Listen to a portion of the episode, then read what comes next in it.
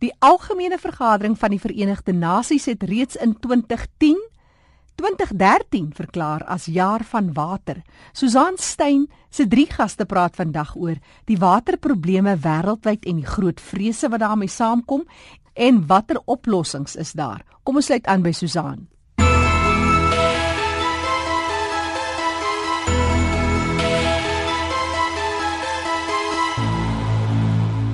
Jackie, ja, ek begin sommer dadelik gesels met Corlie Pretoria. Sy werk in New York vir die Verenigde Nasies se omgewingsprogram waar sy 'n senior programbeampte is. En Corlie, ons hoor so baie oor water wat gaan opraak teen 2050 of die derde wêreldoorlog sal gaan oor water. Gee asseblief vir ons 'n paar waterfeite of waterprobleme soos gesien deur die VN. Wêreldwyd het wateronttrekking 3 maal gegroei gedurende die laaste 50 jaar en soos jy weet, bly die watervoorraad min of meer konstant wêreldwyd die ander unieke eienskap van water is dat dit is nie eweredig versprei oor die wêreld nie. So daar gaan gedeeltes wees of areas in die wêreld waar daar akute waterskaarste gaan wees terwyl ander areas 'n oorvloed van water sal hê. In terme van waterverbruik is landbou die grootste gebruiker van water en dit gebruik tot 75% van die water wat vir menslike gebruik in daai kategorie beskou word. En as ons kyk na die groei van die bevolking en die groei na voedsel en tesame met dit die groei in energie kan dit dan aanleiding gee dat die vraag na water baie groter gaan word as wat die beskikbaarheid is. Maar as jy sê beskikbaarheid, praat jy van die feit dat daar gaan dan net nie water wees op aarde nie of gaan dit drinkbare water wees? Wel dit is beide. Omdat die die verspreiding onevenredig is en sommige plekke gaan dan nie water wees nie. As jy kyk na die groot landbougebiede van die westelike gedeelte van Amerika, Suidoos-Asië, Noordoos-Asië, spesifiek in Midde-Ooste, waar die onttrekking van water uit akwifers, grondwater is baie groter. Dit is nie volhoubaar nie. So dit gaan binne die volgende 30, 40, 50 jaar van daai akwifers basies leeg getrek word want dit kan nie so vinnig aangevul word as wat dit verbruik word nie. So wat is julle grootste kommer oor die toekoms van waterbeskikbaarheid en watervoorsiening in die wêreld en in Suider-Afrika?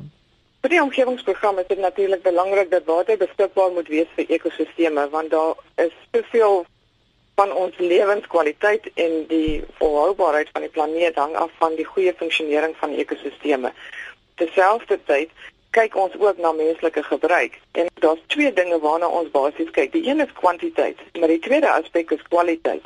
So dis 'n praktiese ding waaroor mense moet praat om te kyk hoe word waterkwaliteit bestuur. Daar's basies 3 kategorieë van besoedeling waarna ons kyk. Die een is chemiese besoedeling waar jy arsen kry en die tipe van ehm um, elemente uit mynboubedrywe ensovoorts. Dan is daar ook patogeniese besoedeling, byvoorbeeld as rioolwater in riviere of in damme gestort word. En dan kyk ons na eutrofikasie.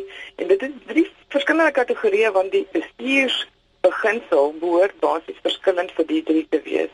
In terme van chemiese besoedeling, dit is gewoonlik puntgebonde, net maar op 'n spesifieke plek en daar kyk ons na effektiewe omgewingsregulasies en die implementering daarvan. Patogenies is natuurlik 'n bestuursprobleem waar riolering uit groot stedelike gebiede gewoonweg in riviere inloop en dan die moeiliker een om te bestuur is eutrofikasie wat basies voedingsstowwe is wat uit 'n wye verskeidenheid van bronne vir landbou afloop, fabrieksafloop verskillende plekke in damme en loop. Watter inisiatiewe of projekte het die VN in plek om die situasie te stop of die hoof te bied? Ons het 'n verskeidelike groot uh, verskeidenheid projekte waarop ons diens lewer aan die verskillende regerings of lande wat ons vir tegniese hulp vra, maar as ek kan praat oor vier wat ek dink wat baie pragmaties is.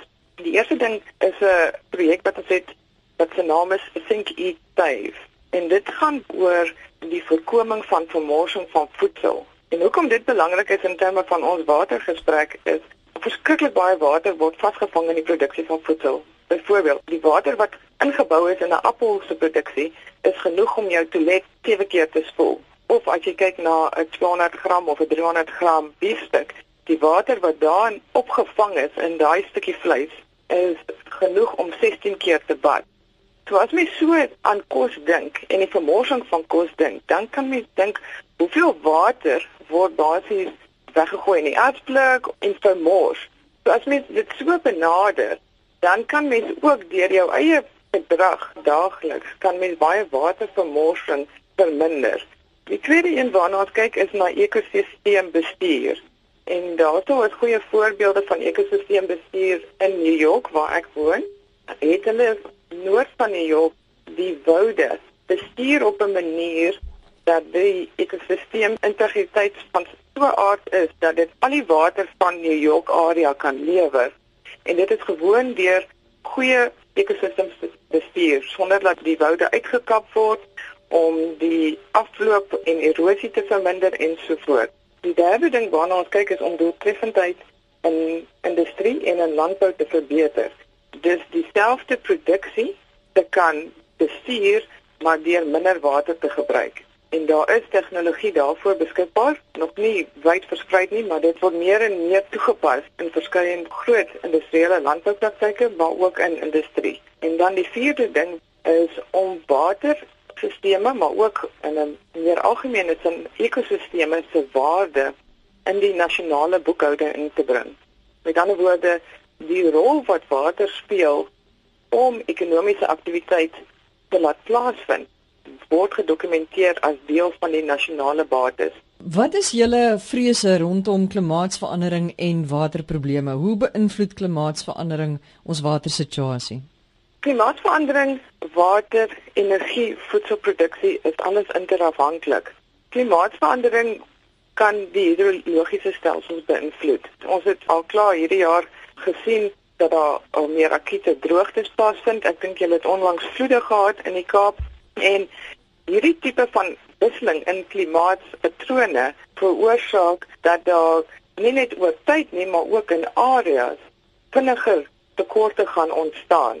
Baie dankie Corlie Pretoria, senior programbeampte vir die Verenigde Nasies se omgewingsprogram in New York. Sy het gepraat van 'n projek Think Eat Save. Die webadres daar is www.thinkeatsave.org. As jy wil gaan kyk na interessante feite oor voedselvermorsing en waterbesparing. Maar wat is die situasie in Suid-Afrika? Professor Eugene Kloete is visierektor navorsing en innovasie aan die Universiteit van Stellenbosch en hy praat oor spesifieke probleme wat ons in Suid-Afrika het ten opsigte van water. In die eerste plek is daar nie toegang tot drinkwater vir omtrent 10 miljoen mense in Suid-Afrika nie. Dit is hoofsaaklik in landelike gebiede. Daar's baie dorpe op die oomblik wat nie konstant water het nie, bloot omdat die water net nie daar is nie. Die opgaardamme is nie groot genoeg om water op te gaar vir die verstedeliking wat plaasgevind het in daardie gemeenskappe nie. En daarom is mense afhanklik van of drinkwater wat uit opgaartanks kom of hulle moet water deel net soos wat hulle elektrisiteit deel. Maar is dit 'n mensprobleem of is dit 'n natuurprobleem? Dis beide. In baie van jou kleiner plattelandse dorpe het daar baie vinnige verstedeliking plaasgevind wat mense toegang gegee het tot water wat uit 'n kraan uitloop wat van tevore nie daar was nie en ewe skielik is die aanvraag na water op dieselfde dam wat voor die tyd daar was om die water te voorsien so vinnig toegeneem dat die drinkwater fisies nie daar is om te verskaf nie. So dis beide 'n natuurprobleem, maar ook tot 'n groot mate die gevolg van baie vinnige verstedeliking en eintlik 'n soort van die ontvolking van die platteland, maar nie noodwendig na stad toe nie, die ontvolking na dorpe toe en rondom dorpe. Wanneer ons hoor dat daar teen 2030, 40, 50 nie meer genoeg water vir almal gaan wees nie, wat beteken dit? Dan moet vir mense dit nou wil definieer, want op die oomblik is daar mense wat nie water het nie of konstante water het nie. So dit wil sê ons is eintlik op hierdie stadium al reeds in 'n situasie waar daar 'n tekort is aan water, veral gesonde drinkwater. Dit wil sê water wat mense nie siek maak nie. En daai probleem is natuurlik bloot rondom die tegnologie en die gebrek aan vaardigheid en kundigheid om water wat drinkbaar is by mense uit te bring. Die industrie is natuurlik 'n ander saak. Hulle gebruik omtrent so 12% van die water. Die landbou in Suid-Afrika gebruik net so oor die 60% van die water. As ons kyk na kragopwekking, so ongeveer 2%, dit wil sê Eskom gebruik so 2% van die beskikbare water.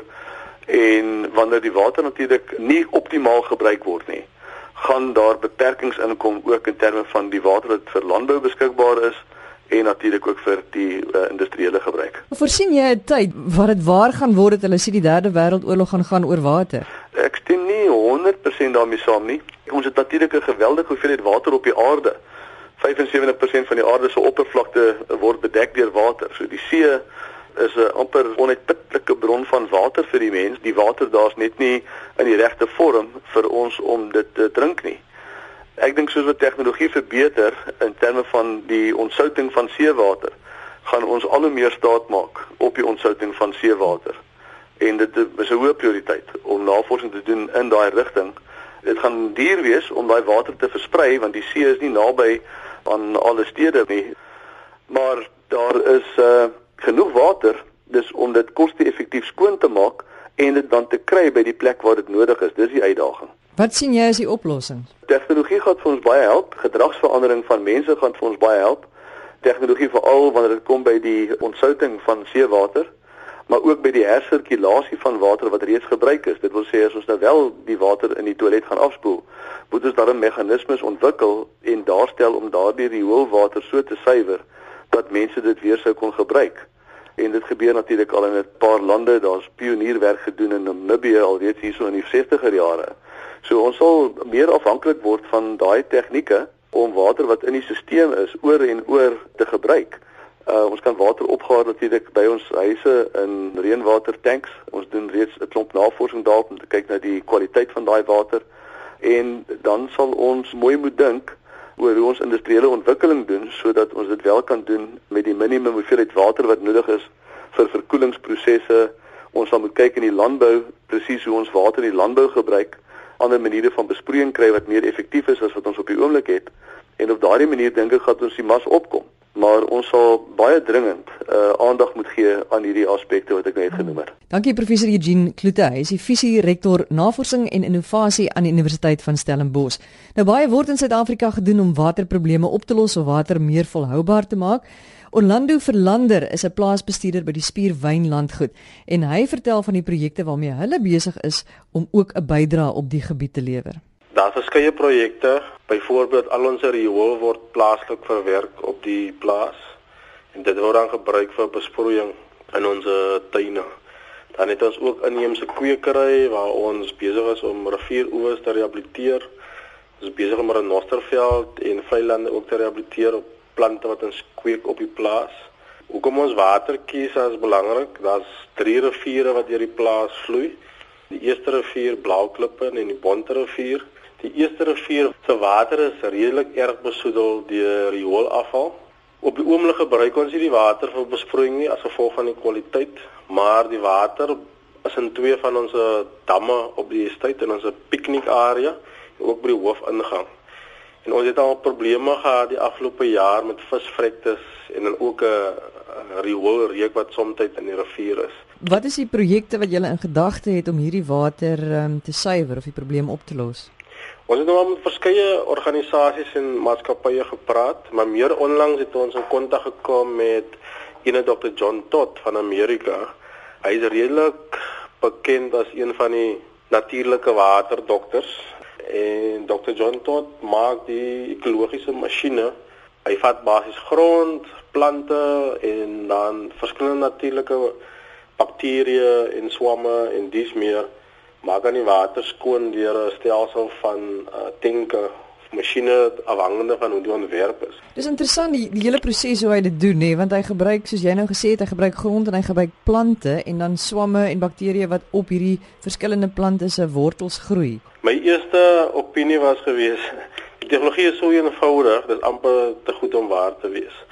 Maar wat basies gebeur is, die natuurlike omgewing weet hoe om homself te heel of gesond te maak. John Todd se tegnologie is basies jy gebruik aan die natuurlike organismes wat daar is, wat nou swamme, bakterieë is en dit word nie geselekteer in 'n laboratorium nie. Maar daar gaan kyk word is wat is in die natuurlike omgewing en daai goed word dan uit die rivier of uit die area uit gehaal en dan geskreen en dan probeer ons dan die beste uit te haal, maar wat ook gebeur hoekom daar verskillende stelsels is.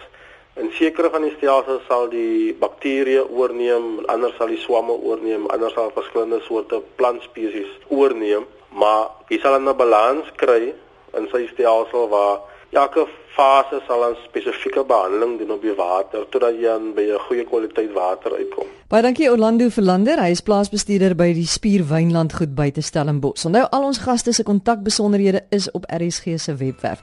Dankie vir die saamluister. Volgende week gesels ons verder oor nog interessante volhoubaarheidsfeite. Hierdie bydraes versorg deur kollega Susan Stein in Kaapstad.